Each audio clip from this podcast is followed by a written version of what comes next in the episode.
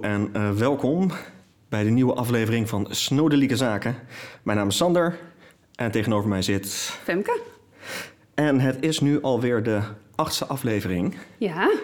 En vandaag um, gaan we het hebben over mijn favoriete historische personage. Doe maar. Ja. ja, als je uit alle personages moet kiezen uit de geschiedenis, is dit het. Ik denk het wel. En dan is het dus ook nog iemand verwikkeld in een misdadige zaak. Iemand die uh, op een vrij gewelddadige wijze eindigt. Oh. En jij gaat vast vertellen hoe dat komt. Ja, inderdaad. Ik denk dat ik dat, uh, dat maar moet gaan doen. Ik ben wel benieuwd, want ik weet dus oprecht uh, helemaal niet waar we het over gaan hebben vandaag. Nee, precies. Ik heb, het, ik heb het heel goed geheim gehouden. Nee, we beginnen. We gaan naar Schotland. En we gaan naar North Berwick. Naar een Cisterciënzer klooster, een nonnenklooster. En daar is het op 23 januari 1483 in de ochtend, dat is om 8 uur, de ochtendmis is geweest en uh, men is, zit aan het ontbijt. En in het gastenverblijf van het convent, daar zit een, uh, een gezelschap van belangrijke heren. En daar komt op een zeker ogenblik tijdens het ontbijt een van de bedienden binnenrennen. En hij roept naar een van de heren in het gezelschap die daar aan tafel zit: Anselmus, je moet vluchten. Je moet er vandoor nu, want er komen soldaten aan. En inderdaad, buiten het klooster, daar verzamelt zich een klein legertje. 200 man lopen daar te voet, zwaar bewapend. Harnas aan, speren bij zich, zwaarden aan de riem. En ook nog aardig wat mannen te paard. Helemaal uitgerust als ridders.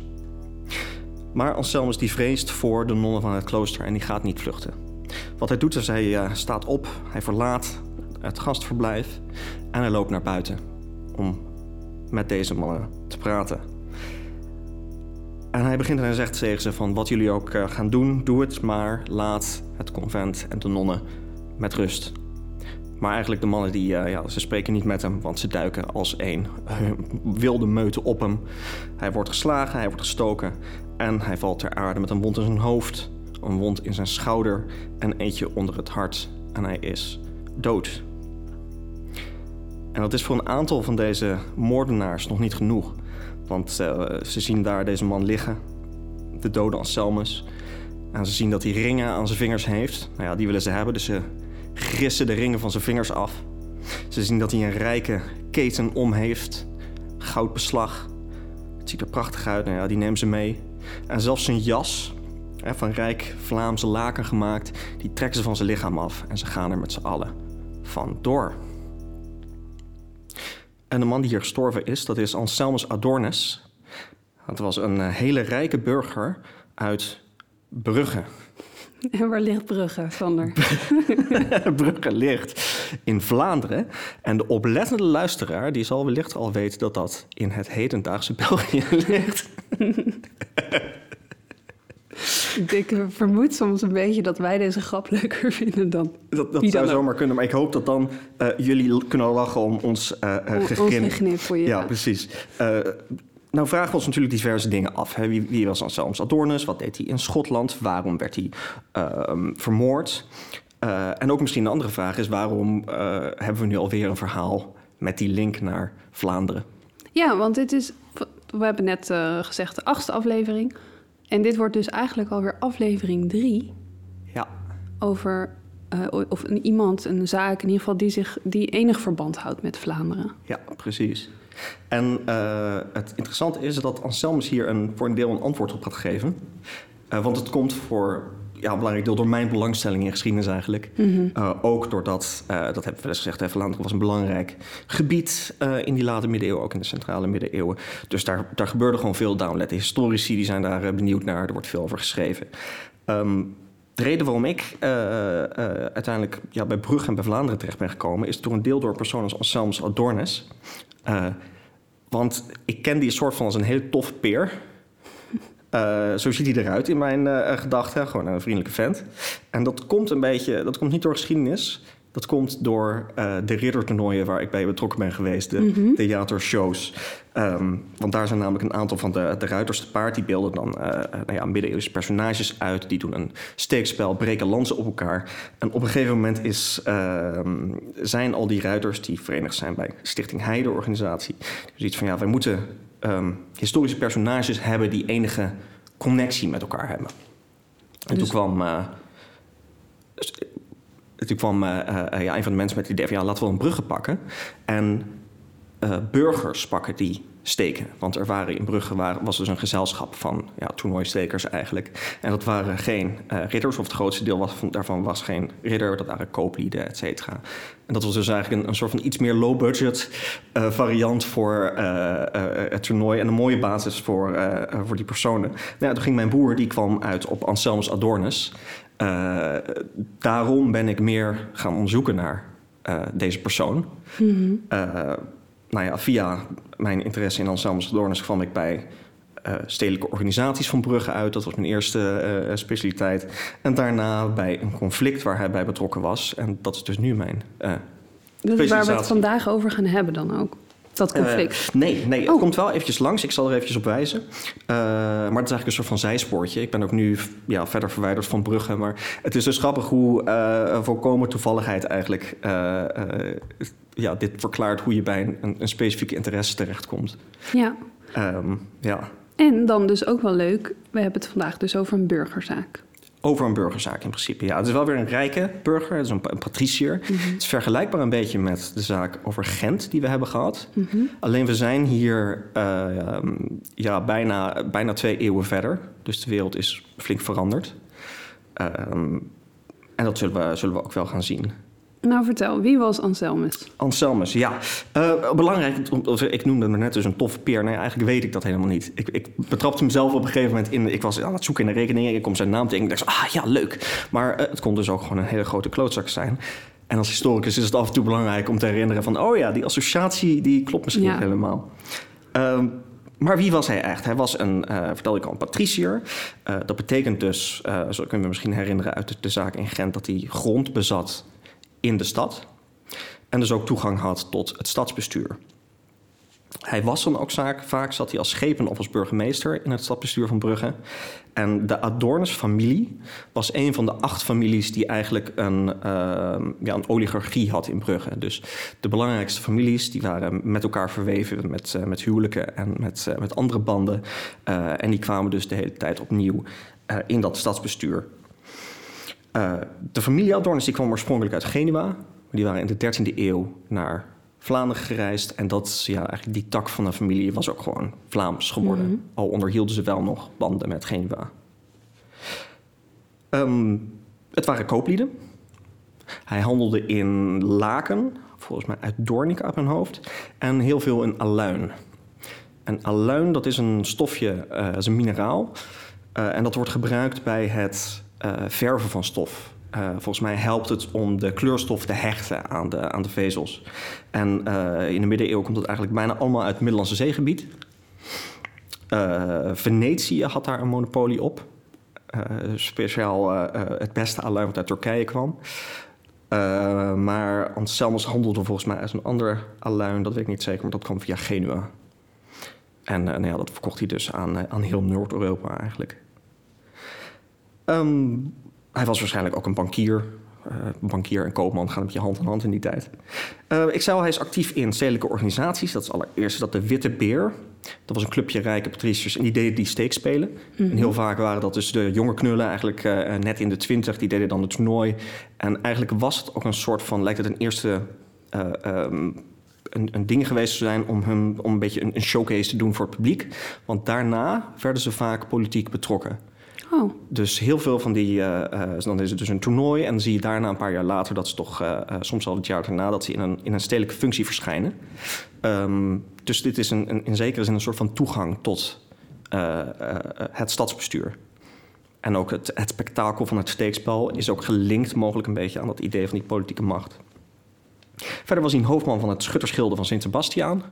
Er zijn schuttersgilden, dat waren oorspronkelijk gilden die leverden ja, soldaten en eh, eigenlijk ja, wachters aan de stad. werden langzamerhand ook een soort van sociale aangelegenheden. Ze hadden ook religieuze activiteiten, een hele grote kapel, uh, waar ze dan ook uh, materialen hadden, bijvoorbeeld voor de, de kinderen en de vrouwen van de schutters. Um, het klinkt echt als zo'n zo'n ja, clubje. Oh, dit, ik wilde iets, een vergelijking maken, maar ik kom er even niet op. Nou, het, het, heeft een beetje iets weg, bijvoorbeeld van een, een voetbalclub. Nou, die, een beetje inderdaad zo'n zo'n zaterdagmiddagactiviteit... Ja. waar je met het hele gezin ja, in betrokken raakt. Ja, of de scouting of zo. Ja, en vroeger in, in, in de, uh, werd daar in boeken wel eens naar verwezen... naar die schuttersschilden als van... ja, die hebben gewoon de functie om soldaten te leveren uh, klaar. En op het moment dat men dan die schuttersschilden iets anders zag doen... dan zeiden ze van ja, maar eigenlijk uh, hoorde dat niet. Of oh, eigenlijk waren het gewoon zuipersgroepjes... en hadden ze niks te maken met... Zo hadden we het niet bedoeld. Ja. ja. Maar in de realiteit is zo'n zo'n organisatie... die heeft natuurlijk meerdere functies. en het liep ook door de hele maatschappij heen. Dus je hebt dan een schuttersfeest en daar zitten schoenmakers... die zitten daar in de buurt van kooplieden... En iedereen zijn, zit wel geordend heel mooi of volgens tafeltjes naar sociale achtergrond. oh, dat dan ehm, weer wel. Ja, maar, maar je krijgt wel een soort van uh, gemeenschapsgevoel, werd heel erg uh, um, geregeld daar.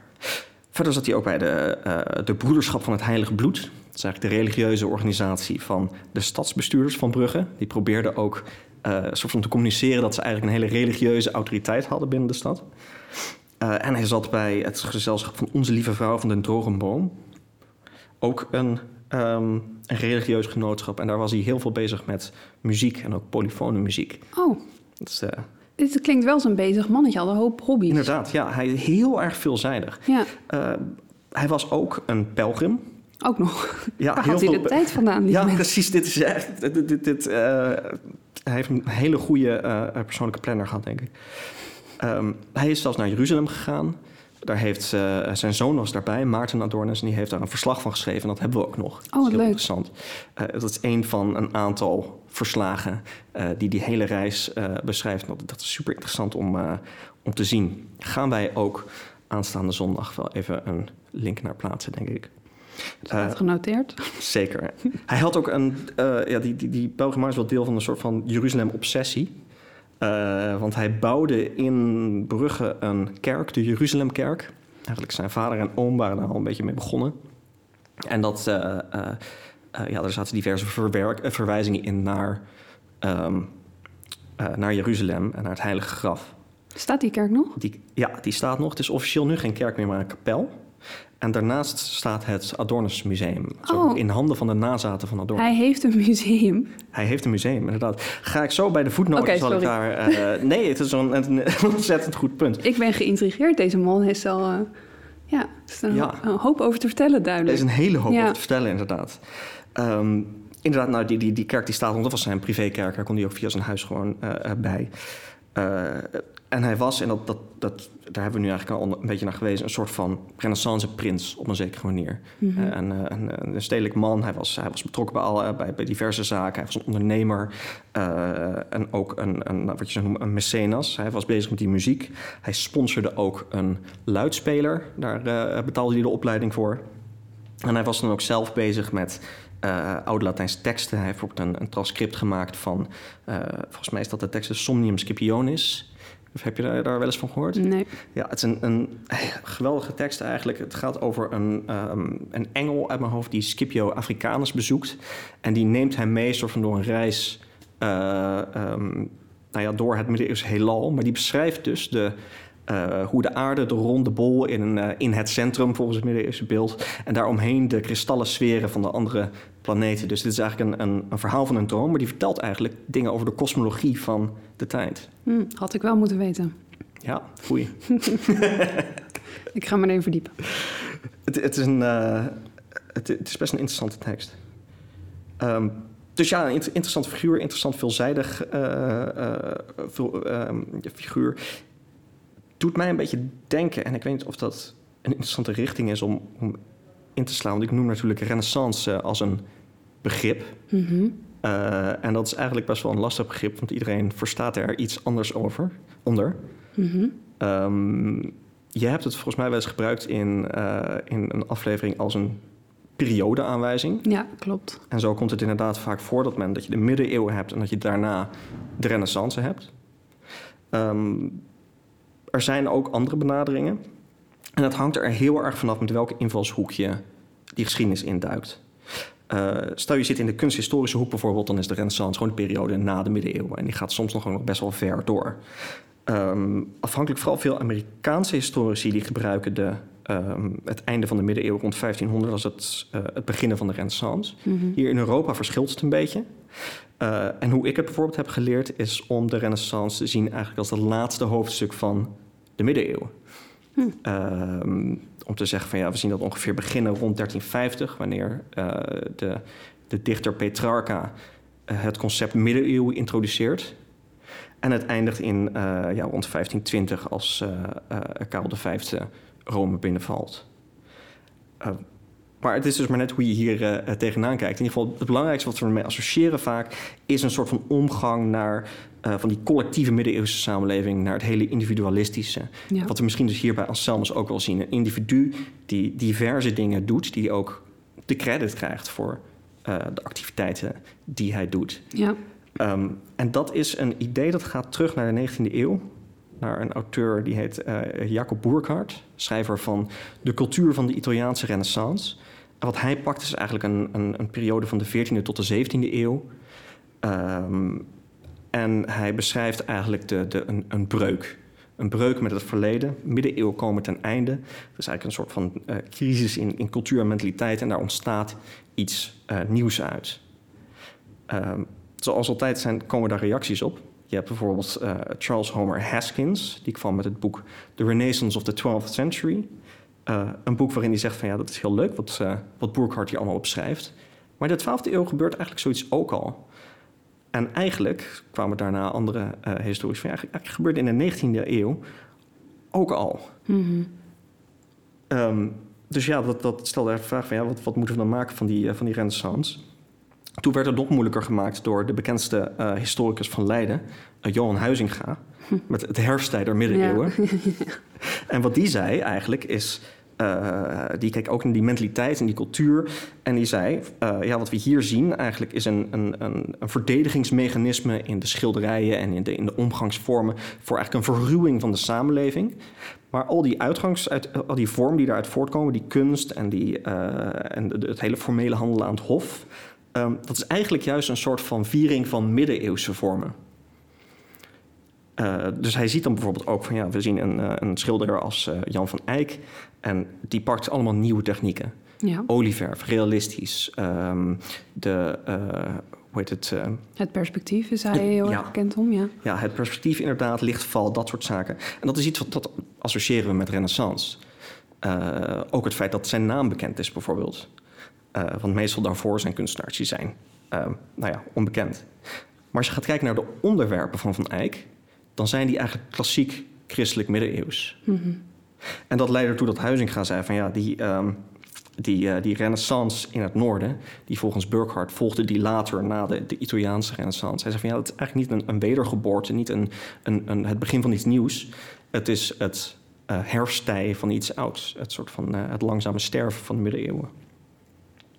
En dat is natuurlijk een mooi idee. Ja, nou ja, niet dit iedereen is, maar eens. Nee, en dit zijn moeilijke begrippen. Je hebt het natuurlijk al eerder over gehad dat, dat nou, als je het puur periode technisch bekijkt, dingen niet van de een op de andere dag veranderen. Nee. Dat zijn, dat zijn gebeurtenissen die, die invloed op elkaar hebben. En dat is iets wat heel geleidelijk gaat en daardoor heel moeilijk te definiëren wat nou precies middeleeuws is en wat. Ja is de periode die daarop volgt. En dat als je dan ergens een grens moet trekken, waar trek je die dan? Ja, dan is gemiddeld gezien ja. 1500 lekker te onthouden. Hè? Precies, ja, inderdaad. Ik probeer dan stiekem altijd zelf uh, 1550 te pakken, puur om mezelf te dwingen om de 16e eeuw in te gaan. Omdat ik anders eigenlijk onbewust de hele tijd een soort van middeleeuwse grens aanhoud. Ja. Uh, die natuurlijk nergens op slaat eigenlijk, want die bestaat alleen in, uh, in mijn gedachten.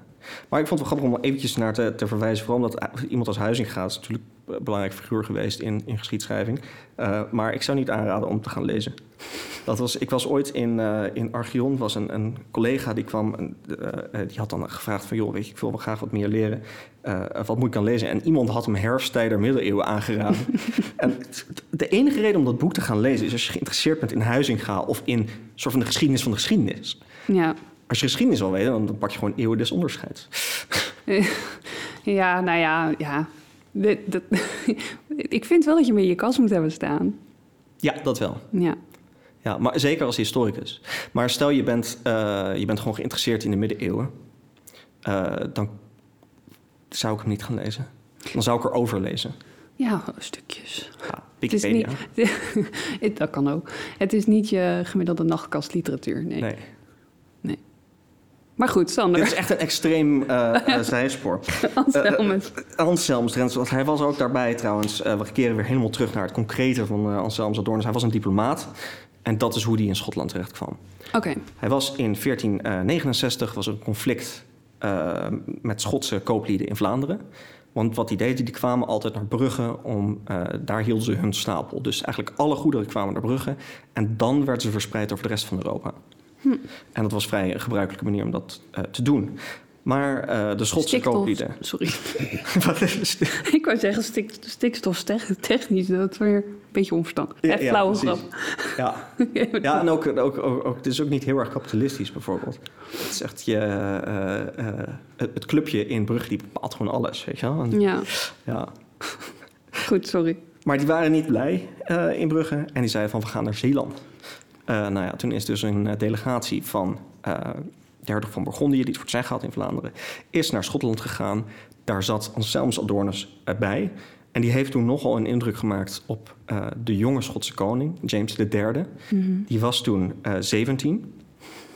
Um, en die heeft uh, nou ja, Anselmus Adornus uitgenodigd bij hem thuis en heeft hem uiteindelijk geridderd en benoemd tot de conservator van de Schotse privileges in Vlaanderen. En dat betekent dus Anselmus Adornus is de, de beschermer van alle Schotse kooplieden. En hij was tot ridder geslagen, wat een, uh, hem dus van adel maakte. Maar dan door de Schotse koning dus? Door de Schotse koning, ja. Maar dat heeft, in, dat heeft uiteindelijk een, een uh, geldt dat universeel. Ja, nee, snap um, ik. Maar het is inderdaad dus uh, interessant om te zien, daar gaan we zo nog op terugkomen, hoe iemand uit Vlaanderen, Vlaanderen ineens een ridder wordt in Schotland. Ja. Hij heeft nog een uh, diplomatieke reis ondernomen, dat was in 1474. En dat is de kwestie waar ik uiteindelijk een uh, scriptie over heb geschreven. Er was namelijk een uh, rijk Italiaans galeischip geroofd door een, een piraat uit Gdansk. Mm -hmm. Wat is een galeischip? Een galeischip is eigenlijk een schip wat zeilen heeft, maar ook roeiers. Okay. Dus dit waren schepen van ongeveer, uh, wat zal het zijn, 50, 52 meter lang. En daar zaten uh, iets van 260 roeiers hadden ze dan aan boord. Jeetje. Uh, geen hele handige handelsschepen, maar wat ze, ja, de Italianen gebruikten ze om um, low volume, high value goederen te um, plaatsen. Dus bijvoorbeeld goudbrokaat, wat dan in Noord-Italië werd gemaakt. Je hoeft er maar een, een beetje van te vervoeren. Uh, en daar hou je heel veel geld mee binnen. Ja. En die geleidschepen waren daar goed voor, want ja, je hebt uh, uh, je roeiers aan boord, dus de, de, de richting van de wind maakt niet uit. Nee. Je moet wel vaak stoppen voor, voor water bijvoorbeeld. Uh, maar ook voor piraten ben je relatief veilig, want je roeit tegen de wind in en een zeilschip kan je niet volgen. Nee, maar goed, precies. nu was dus toch een piraat die ze te pakken kreeg. Uh, Anselmus Adornus is daarvoor met zelfs een pauselijk afgezant helemaal naar Gdansk uh, gereisd. Kreeg helemaal niks voor elkaar. En er was een mogelijkheid dat het de bedoeling was dat hij daarna zou doorreizen naar het hof van Uzun Hassan. Klinkt chic. Klinkt heel chic, inderdaad. Dat was een Perzische heerser van een klein koninkrijkje. En het idee was um, dat dit een bondgenoot zou kunnen zijn tegen de Ottomanen. Oké. Okay. Uh, maar ja, dat, uh, hij is dus niet naar dat hof geweest. En ook de pauselijke uh, legaat die bij hem was, is ook niet verder gereisd. Maar dat is wel al, al sowieso een heel ander doel dan waar hij aanvankelijk voor naar Gdansk ging. Ja. Dus hij had al meerdere missies op één missie. Het, ja, precies. Al, en het is ook niet helemaal zeker dat hij nou inderdaad ook dat, dat mandaat had om, om naar Uzun Hassan te gaan. Ja. Uh, maar het zou wel iets zijn waar bijvoorbeeld Karel de Stoute, die toen de hertog van Bourgondië was, uh, in geïnteresseerd zou zijn. Oké. Okay. En, uh, want ja, het, het kruistocht-ideaal, dat, dat, dat leefde toch nog wel een beetje in Europa. Maar niemand kreeg echt maar wat gedaan. Dat is de... Uh, behalve de Ottomanen. Ja, ja, ja. Ja. Uh, hij keerde terug uiteindelijk na die tocht naar, naar Gdansk. Toen kreeg hij grote moeilijkheden in 1477. Want Karel de Stoute, de hertog, die speelde het voor elkaar om dood te gaan in een veldslag. Nou, dat had hij vast ook niet zelf bedacht. Nee, inderdaad. Nee, dat was, ik denk dat voor hem ook een verrassing was. Ja. Ehm, maar dat zorgde voor nogal wat problemen, want uh, de Vlaamse steden die waren toch niet helemaal blij met een aantal van de regels waar ze aan moesten voldoen. Uh, dus die wilden eigenlijk een, een, een, verandering in het stadsbestuur hebben. Nou ja, en wat gebeurde er? De, ze zetten het oude stadsbestuur af en er kwamen ineens allemaal geruchten over dat uh, Anselmus Adornus en ook anderen gestolen zouden hebben uit de stadskas. Hmm. Dus hij werd gearresteerd samen met andere bestuurders, een tijdje gefolterd. En toen gaf hij toe onder foltering dat hij geld gestolen had. En moest toen in ondergoed uh, nou ja, de stad door om bij elk banier, eigenlijk elk belangrijk punt, om vergif vergiffenis te smeken. Oké, en dat heeft hij gedaan? Dat heeft hij toen gedaan, ja. Hij is toen wel uiteindelijk weer door de dochter van Karel de Stoute, Maria van Bourgondië, dacht ik in ere hersteld. Maar hij is eigenlijk daarna uh, is, is zich gaan richten op Schotland. En dat is ook waarom we hem toen uh, nou, in, in, in het, de introductie net in 1483, waarom hij in Schotland zat. Hij woont daar dan ook? Ja, inderdaad. Want uh, de koning heeft hem tot ridder geslagen ja. daar. Heeft hem een aantal gebieden gegeven. En hij heeft dus ook huizen had hij in, in Edinburgh en in een aantal andere gebieden. Dus hij had daar inderdaad wel degelijk een, een, een basis om een nieuw leven op te bouwen. En zeker nadat zijn vrouw, Margarethe van der Bank in 1480 stierf, is hij eigenlijk uh, ja, de hele tijd gewoon in Schotland. Niet zoveel meer te zoeken in Brugge. Nee, precies. Nee. Iets anders waar hij... Het was inderdaad echt een bezig mannetje, want hij had 16 kinderen. Oh, nou, doe maar. Ja, 16 kinderen. Hij heeft alsnog klaargespeeld om zijn lijn te laten uitsterven na zijn dood. Ah, en uh, dus toen is het kinderen... via, de, via de vrouwelijke lijn is het verder gegaan naar een oh. nieuwe... De kinderen overleden jong? Een aantal wel, ja. En er zijn er heel veel die zijn ook uh, kloosters ingegaan. Uh, zowel mannen als vrouwen. En een aantal hebben het ook nog uh, best ver geschopt in de, in de kerk. Ja. Veel geleerde kinderen zaten daar. Maar daar krijg je weinig nageslacht van. Nee, inderdaad. Tenminste, ze willen nog wel eens voorkomen. Maar... Ja, nee. sluiten het niet uit. Maar... Nee, precies. Maar het, het was niet helemaal de bedoeling. Nee. Nou ja, dat was dus Anselmus Adornis. Super veelzijdig man. Mm -hmm. Interessant figuur. Um, dan komen we tot de, vraag waar. Hè. We hebben, hij zit in Schotland. En um, ik heb al verteld, hij is gestorven in een, uh, in een klooster. Maar we weten eigenlijk niet zeker welk klooster dat is. Want er is een verslag van zijn uh, moord. In een aantal teksten zelfs. ik heb er eentje van bestudeerd. Een anoniem relaas over de dood van Anselmus. Oh, doe maar. Ja, en dat is een, nou, een, heel, een vertelling van wat er nou gebeurd is en hoe erg het allemaal is. En die vertelt eigenlijk uh, dat hij vermoord is in het convent van de Sister Cienzerinnen van Coldstream, nabij op Surlotten ja. in North Berwick. Oké, okay, dat lijkt me toch vrij specifiek. Heel specifiek, inderdaad. Maar dat is een probleem, want niemand weet waar op Surlotten is. Oh. vrij, maar... vrij absurd. Sorry. maar oké, okay, maar de, de, andere omschrijvingen klinken wel als uh, ja. bestaat dat allemaal niet? Coldstream ja. bestaat, maar het ligt niet in North Berwick. Oké. Okay. Um, het ligt verder naar het zuiden, in de buurt van Berwick upon Tweed. Oké. Okay. Um, in de buurt van Coldstream ligt wel het stadje, of het plaatsje, Upsettlington. Ja. En dat lijkt misschien een beetje of, op Upsurdleton. Ja. In een, in een, zeker als je bedenkt van dit is dus naar Vlaanderen gereisd... en daar heeft iemand die informatie opgeschreven. Is niet raar dat er het dan... zou kunnen, inderdaad. En tevens was het ook... Upsettlington was een bekende um, ontmoetingsplek...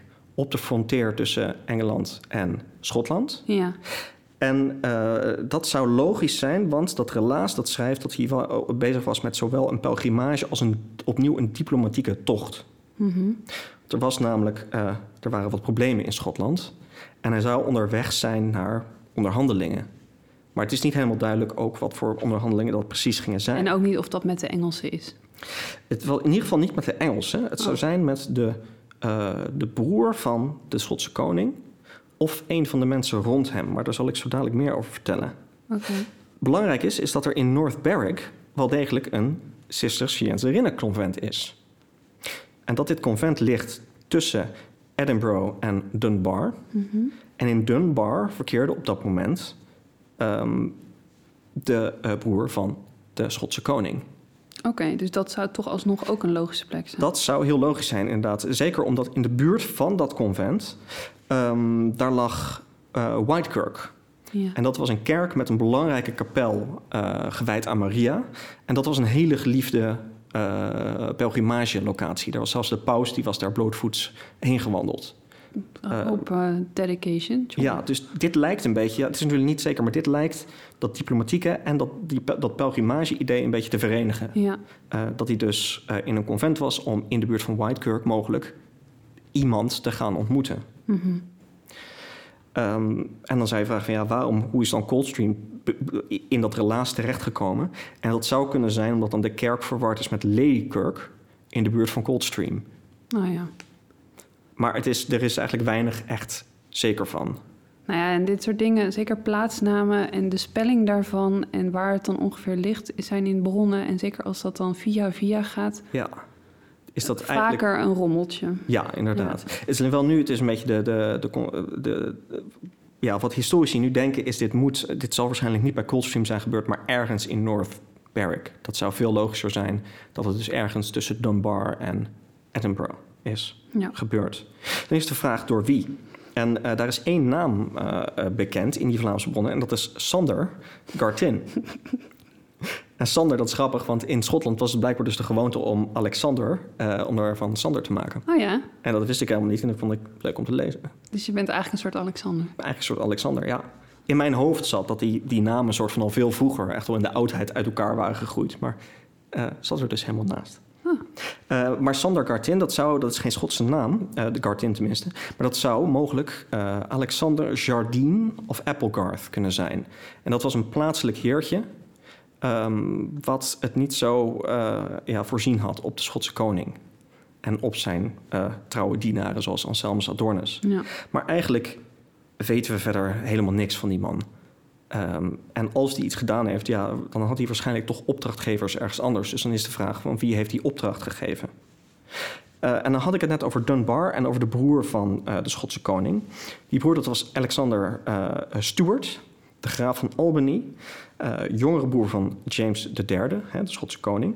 En oorspronkelijk waren die broers goed bevriend met elkaar. Mm -hmm. Want um, het was zo dat James III, die werd koning in uh, even kijken uit mijn hoofd, uh, eh, 1460. En toen was hij negen. Dus toen kwam er een regentschapsraad. En uiteindelijk, na heel veel knoeien en facties tegen elkaar opnamen, was het ook zijn broer die hem hielp in 1469 om zich te emanciperen en aan de macht te komen. Maar daar kwam uiteindelijk wat ontevredenheid tussen de twee. Want er was algemene ontevredenheid over James III. Hij wordt meestal gezien als een slechte koning willekeurige belastingen vanuit het niets. Hij weigerde om uh, ja, rond te trekken om recht te spreken, wat gebruikelijk was. Hij, had, hij was heel erg gericht op het buitenland. Dat is misschien ook waarom hij Anselmus zo interessant vond. Ja. Uh, waarom hij ook bijvoorbeeld over die reis naar Jeruzalem heel veel wilde weten. Ja. Uh, hij had ook rare aspiraties, uh, want, want zijn moeder dat was Maria van Gelderland. En hij dacht van, nou ja, dat betekent dat ik Gelderland zou kunnen innemen als ik dat wil. Ja. Dus hij had het dan in zijn hoofd gehaald dat dat een, de bedoeling was. En zelfs dat Brittannië dat hij dat zou kunnen claimen. Uh, dat, dat, zou hem nooit gelukt zijn. Nee. Uh, maar het leek dus heel erg van ja, die, die jongen die kijkt alleen maar naar buiten en hij negeert eigenlijk alle problemen binnen. Ja. Uh, hij gaf eigenlijk ook de voorkeur aan laaggeboren raadgevers. Dus hij had een, een, soort van clubje om zich heen van kooplieden en van schrijvers. en eigenlijk geen edelen. En dat vonden die Schotse edelen, die vonden dat uh, niet een, een, een, goed idee. Uh, het belangrijkste is dat hij streefde een alliantie met Engeland na. Oh, dat valt vast goed bij de Schotten. Precies, ja, Engeland, de aardsvijand van, ja, ja, ja. Uh, van de Schotten natuurlijk. Um, wat, al, wat die broer van hem ging doen, Alexander, is hij was op dat moment de Warden of the Marches. Wat ik een van de vetste titels ooit vind. Um, Warden of the Marches, dat was de persoon eigenlijk die langs de grens, het grensgebied, de orde handhaafde. Mm En je moet je voorstellen dat dat grensgebied dat is eigenlijk een klein beetje een niemandsland. Daar zit nou ja, ook moerasgebied. Uh, daar was dus niet een duidelijk wetsysteem eigenlijk. En daar gold dan martial law. Uh, en de Warden of the Marshes die streefde dat na. Dus die, die sprak daar recht. Uh, en wat hij ging doen, Alexander, is onrust stoken met bij de Engelse grens. Om te zorgen dat er dus geen alliantie kon gaan komen. Ja. Uh, op een gegeven moment was uh, zijn broer dat zat. Hij werd in 1479 beschuldigd van hoogverraad. En toen vluchtte hij naar Engeland. Toen kwam hij een jaar uh, later terug met niemand anders dan een Engels leger. Oh. Dus toen kwam het hem ineens wel uit om zich te alliëren met Engeland. op dat moment werd eigenlijk James III verslagen en die werd gevangen gezet. En Alexander Stuart die werd ja, leider van Schotland voor korte tijd. Uh, toen wist in december van 1482 James III zich weer een beetje vrij te kopen en die wist de hele regering van zijn broer omver te werpen. Toen vluchtte Alexander naar Dunbar, mm zat hij daar in het kasteel, was eigenlijk een beetje de, de underdog geworden van het hele conflict. En het zou dus logisch zijn dat Anselmus een missie zou ondernemen naar hem toe om, uh, om te bemiddelen, om dit conflict een einde te brengen. En ik denk dat het onlogisch zou zijn dat Alexander hem dan uh, zou hebben laten vermoorden, tenzij het uit emotie en rancune was. Maar een strategische overweging op dat moment, als je de underdog bent, is niet de messenger uh, aanvallen. Nee, nee. Uh, is juist om de neutraliteit dan te, te waarborgen. Je hebt er ook niks aan. Eigenlijk. Nee, inderdaad. Ja. En hij is ook daarna heeft hij verder niks bereikt en hij is naar Frankrijk gevlucht. Um, dus ik denk niet dat Alexander uiteindelijk rechtstreeks achter die dood zat. Nee. Verder ook nog belangrijk om te, uh, te melden, uh, die band tussen Anselmus en James III. Uh, is dat, dat, ja, we moeten eigenlijk vragen van hoe, hoe was die band? En er is een tijdje geweest dat men zag Anselmus als een soort van een van zijn trouwste vazallen. Ja. er zou zelfs een, een ridderorde zijn ontstaan en Anselmus zou daar het eerste lid van zijn. De orde van de eenhoorn. Oh. Ja, en dat, is, dat komt ook. We zien bijvoorbeeld in uh, het graf van Anselmus in Brugge, wat je dus kunt bezoeken in de Jeruzalemkapel. Uh, daar staat hij ook afgebeeld met om zijn nek een, een keten met een eenhoorn. En ook in, uh, in, verder in het huis en in de kerk zie je dus al die, die symboliek rond die eenhoorn. Hè, een van de, van de, de dieren van Schotland, symbolen van Schotland. Um, en men heeft eruit opgemaakt van ja, dit is een ordeketen. Net zoals bijvoorbeeld de orde van het Gulden Vlies. Ja. Uh, of de Order of the Garter van Engeland. En dat zijn dan ridderorden waarbij eigenlijk een, een nou ja, speciale groep ridders worden bij de vorst gehaald. Uh, en die zijn uh, nou ja, de, de, de, de eersten onder de, de, de equals, zeg maar. Dus ja. een selectief groepje. Maar dat lijkt eigenlijk in het geval van uh, Anselmus helemaal nergens op te slaan. Want er is geen enkel bewijs voor een ridderorde.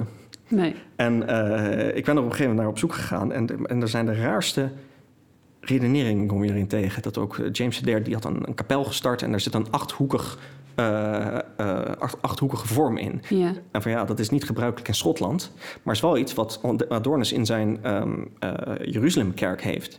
Dus dit is waarschijnlijk geïnspireerd door Adornis. En omdat kapellen doorgaans de ontmoetingsplekken waren voor ridderordes ging deze man ervan uit dat dit hier dus een ridderorde zat. Ah, lekker kort door de bocht. Lekker kort door de bocht, inderdaad. uh, en ja, als je kijkt naar uh, uh, wat, wat andere administratie, dan blijkt dat James III vaker kettingen gaf aan ook buitenlandse vrienden. en er is zelfs een ander voorbeeld inderdaad van een eenhoornketting. Dus waarschijnlijk is het meer gewoon een... Een vriendschapsketting. Een vriendschapsketting, ja, precies. Zoals we die vroeger hadden. Ja, een vriendschapsbandje. ja. Met een mooi eenhoorntje eraan. Um, en het lijkt eigenlijk dus uh, dat Anselmus wel op bepaalde vlakken dichtbij hem stond. Ja. Uh, maar zeker niet een van zijn trouwe vazallen was. Nee, in ieder geval niet uh, vanuit een ridderorde principe. Nee, precies. Nee. En hij was op dit moment is Anselmus is wel benoemd tot een soort van caretaker van het zomerpaleis van de koning. Maar ook terwijl hij daar is, houdt hij zich eigenlijk een beetje buiten dat conflict. Ja. Dus het, hij is geen logisch doelwit als een uh, uh, soort van een, een, een ja, een, als de vazal van, van, van James III. Mm -hmm. Dus moeten we ergens anders aan denken. Ja. Eén mogelijkheid is de Boyds. De Boyds. Ja, dit is een, uh, ook een adellijke familie in Schotland. En dit is een familie die op een gegeven moment heeft zitten rotzooien met de voogdijschap van James III. James III werd in 1460 koning, toen was hij negen. Maria van Gelderland, zijn moeder, die uh, begon een regentschapsraad. En James Kennedy, de bisschop van St. Andrews, die werd zijn voogd. Mm -hmm. Toen stierf hij, de voogd.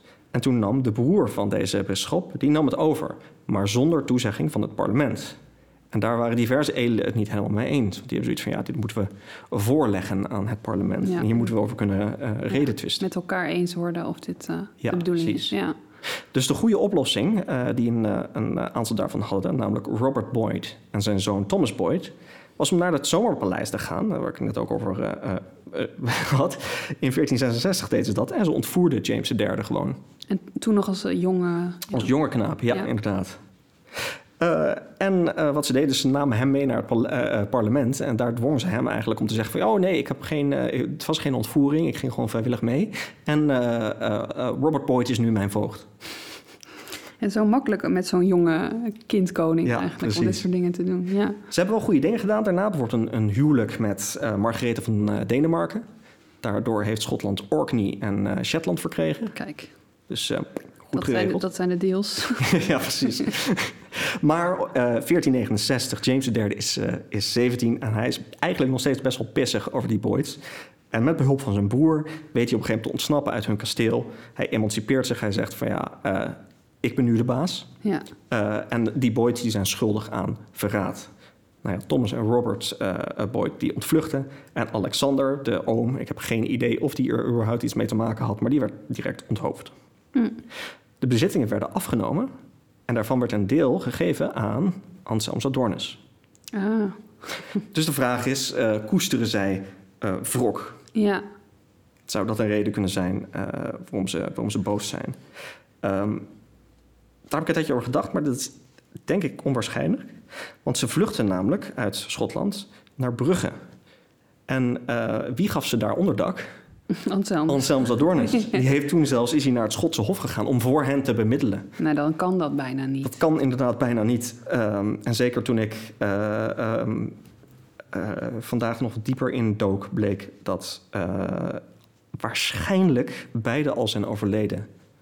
183. Dus wanneer Anselmus wordt overvallen, zijn ze, leven ze niet meer? Leven ze niet meer. Maar het is wel een beetje op het nippertje. En ze verdwijnen eigenlijk ook een beetje van de radar. Dus het is onduidelijk wat er nou precies, uh, uh, waar die mensen heen zijn gegaan. Maar er is eigenlijk geen reden om hen te verdenken. Nee. Dus het, de volgende mogelijkheid is uh, Schotse edelen die misschien gelieerd zijn aan Alexander Stuart, de broer van de Schotse koning, die iets te halen hebben bij het verwijderen van Adornus. En dat, dat zou kunnen. Er zijn diverse eigenlijk dingen die een rol spelen. Eén is, en dat heb ik al genoemd, uh, James III die heeft die gewoonte om laaggeboren raadgevers te benoemen. Ja. En eigenlijk valt Anselm Adornus daaronder. Mm Hij is een koopman. Hij komt uit Brugge. Hè. Het is een buitenlander. En wat doet James III? Hij slaat hem tot ridder en, uh, nou ja... Uh, Zet hem op een hoge positie. Ja, precies. En nou ja, het is vrij duidelijk dat die mensen daar niet, niet al die Schotse edelen daar blij mee waren. En dat blijkt ook, want um, er is een incident bij Lauder Bridge. Dat is het moment dat uh, James III gevangen wordt genomen nadat zijn broer met het Engelse leger binnen is gekomen. En het eerste wat ze eigenlijk doen ter plekke daar is een aantal van die raadgevers pakken, een stop om de nek doen en van de brug afduwen. Um, dus die worden gewoon ter plekke gelyncht eigenlijk. Pittig. Ja. ja. En het lijkt ook dat Anselmus Adornus hier bang voor was. Want drie maanden voor zijn dood heeft hij namelijk een testament uh, laten opstellen. Oh, dus hij zag wel iets aankomen. Ja. ja. En hij heeft dat één keer eerder gedaan. En dat was voordat hij aan zijn reis naar Jeruzalem begon. Eh, wat ook een risicovolle onderneming Ja, ja, inderdaad. Dus um, ik denk, ja, er, er kunnen natuurlijk diverse redenen zijn om een testament neer te zetten. Maar het is dit, hij deed dat in een super woelige periode. Ja. Uh, dus het kan heel goed een signaal zijn dat hij uh, toch bang was, iets te, iets te vrezen had. En het zou dus kunnen zijn dat die, uh, die Schotse edelen het idee hebben van ja, we willen eigenlijk die toenadering tussen James III en zijn broer voorkomen. We willen deze twist doorzetten. Uh, want ja, al die edelen hebben natuurlijk ook hun eigen uh, doel. Ja. dus dat, dat zou goed kunnen. En eigenlijk is dat nu is dat ook een beetje de consensus onder historici dat het waarschijnlijk iets in deze zin moet zijn geweest. Maar ja, ze weten het niet zeker. En het is onmogelijk, denk ik, te achterhalen wie. Inderdaad. Ja. Maar ik heb ook ik heb een nieuwe hypothese. Je hebt een eigen? Ik heb een eigen hypothese waar ik super trots op ben. het is wel, moet ik zeggen, een hele prille uh, hypothese. Het is meer een soort van richting om te gaan zoeken in, uh, in archieven mogelijk. Uh, kans is klein dat ik dat ga doen. tenzij ik tijd heb om in Schotland te zitten. Dus als iemand anders luistert en denkt, yes, gewoon doen. maar dat gaat namelijk om een bepaalde titel van Adornus. Hij is namelijk, hij wordt tot ridder geslagen door de Schotse koning. En een van de uh, standaardzinnetjes die dan ineens verschijnt in zijn titel is Heer van Courtrai. ook de, het relaas over zijn dood is de, de edel en de voorziene gerudder. Mijn heer Anselmus Adornus, heer van Courtrai. En dan volgen er nog een paar plekken, maar die plekken die zijn in Vlaanderen. En Courtrai ligt in Schotland. Hm. In Schotse bronnen wordt het beschreven als Kortjekooi. Ja. Uh, en soms als Cortagie. En dat is de, uh, vandaag de dag nog steeds de, de spelling en de, uh, de naam. En waar ligt dit? Dit ligt ten zuiden van Edinburgh. Ja. In eigenlijk het, het graafschap Angus. Mm -hmm. en dit, hier klopt iets niet aan de beschrijving. Uh, want we zien hier continu heer van Courtrai. Mhm. Maar ik vind nu, vond ik in een, een, een oudere studie uh, terug... Uh, dat was een studie naar de Ogilvy-clan... dat die Courtrai in bezit hadden. En daarin stond... Anselmus Adornus heeft even te maken met Courtrai... maar hij heeft alleen voor het leven het recht om de renten te innen. Oké. En ik denk waar dit uh, op slaat, is dat er gewoon ontzettend onduidelijkheid is. Want koning neemt gebieden af, geeft die aan anderen. En uh, mogelijk is er dus een gebied geschonken aan Anselmus. Wat eigenlijk van de Ogilvies was. Ja. Waar een soort van uh, conflict over bestond. Of onduidelijkheid over bestond. Wat toen opgelost is met die rente. Ja. Of hij heeft gewoon vanaf het begin af aan al de rente gegeven. En hij, hij loopt gewoon tof te doen met de titel. Wie, wie, gaat in Vlaanderen dit ook checken? Ja, precies. Ja, inderdaad. Ja. Ehm, maar wat belangrijk is, hij mag dus rente innen voor het leven. En de Ogilvy-clan heeft eigenlijk recht op die rente. En bij welke groep horen de Ogilvy's? Die horen bij uh, de club Angus en die staat volledig aan de kant van de broer van James, van James III. Ja, ja, ja. Dus hier zit mogelijk een heel erg duidelijk motief voor een moord op Anselmus Adornus. Ja. En ook een direct nut. We hebben een algemeen motief, namelijk die laaggeboren uh, favorieten van de, van de koning die echt vervelend in de weg staan. Ja. Die ook uh, in het, op klassieke middeleeuwse manier wordt daar gezegd van ja, het zijn die raadgevers die de hele tijd slecht advies in, in het oor van James fluisteren. En je hebt het feit dat uh, hier dus zo'n laaggeboren buitenlander gewoon jouw geld in ontvangst neemt de hele tijd. Ja. En dat als hij sterft, dat geld weer naar jou toe gaat. Ja. Dus dat lossen we dan makkelijk op op die manier. Ja. Dus ik, ik denk zelf ja, dus dat hier wel potentie in zit en dat het verder uitgezocht moet worden. Vooral omdat dus tot nu toe in uh, ja, de meeste, het meeste historische werk neemt iedereen die titel van Cortagie of Courtrai uh, eigenlijk kritiekloos over. Ja. Uh, en er zit daar dus een potentieel probleem. Ja. en ja, of het nou waarschijnlijk is dat die ook heel veel erachter zitten, dat, uiteindelijk weten we dat niet. Maar er is een kans dat we hier via deze ingang iets kunnen vinden. Ja. Goh, maar jeuken je handen dan nu niet? Ja, echt gigantisch.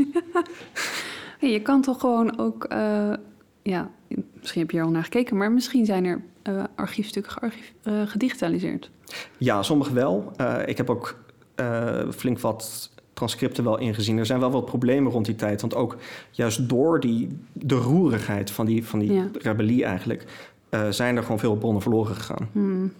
En er zit ook een beetje een gat in, in chronieken daar, omdat mensen niet helemaal weten wat ze met James de derde aan moeten, bijvoorbeeld. Ja. Uh, maar het is inderdaad, er moeten daar lokaal toch bronnen zijn die hier mogelijk licht op kunnen schijnen. Hmm. Dus jij lost misschien met deze podcastaflevering zomaar een cold case uit uh, eh, 15e eeuw op. Het zou zomaar kunnen. Misschien. Ja. ja. ik was in ieder geval toen ik erachter kwam, was ik heel erg in mijn nopjes. Snap ik, snap ik. en er is nog iets grappigs kwam ik tegen. Want uh, ik vertelde daarnet dat uh, Adornus, die was een, nou ja, het was een bezig bijtje, zeg maar, met 16, 16 kinderen. Uh, dat, dat, daar is hij niet mee gestopt in Schotland. Oh, dus Want het bleef niet bij de 16 kinderen? nee, er is een zeventiende, dat is Euphemia. Ja.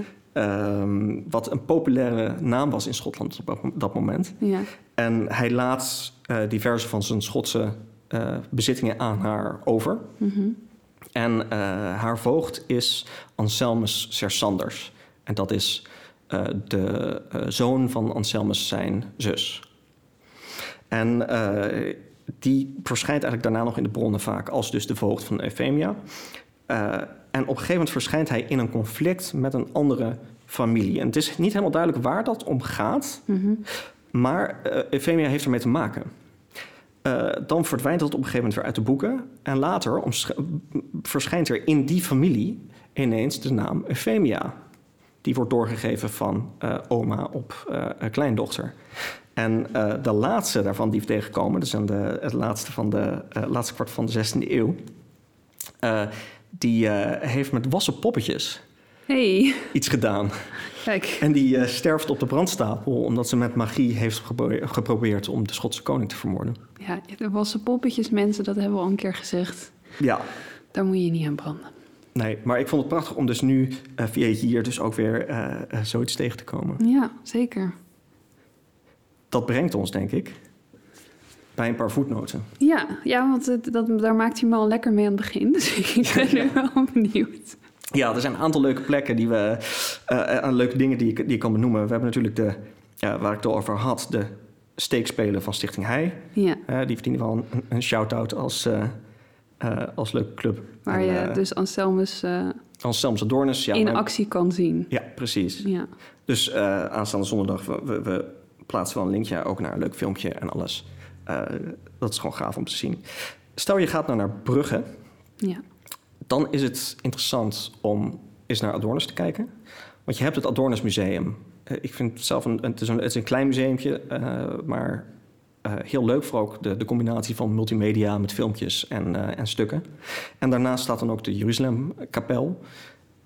daar ligt ehm, de vrouw van Anselmus en het hart van Anselmus oh, begraven. Want ja, dat vroeg ik me af waarom zou... Want je zei net al, daar lag hij begraven, maar blijkbaar dus alleen zijn hart. Ja. Hij is gestorven in Schotland, dus hij, is dan zijn lichaam daar... In zijn, uh, in zijn uh, ja, testament stond eigenlijk dat zijn hart begraven moest worden bij zijn vrouw in, ja. uh, in Brugge. En zelf is hij ergens in de buurt van het zomerpaleis van de koning begraven. En in 1990 is daar een gedenksteen voor hem geplaatst. Oh, kijk.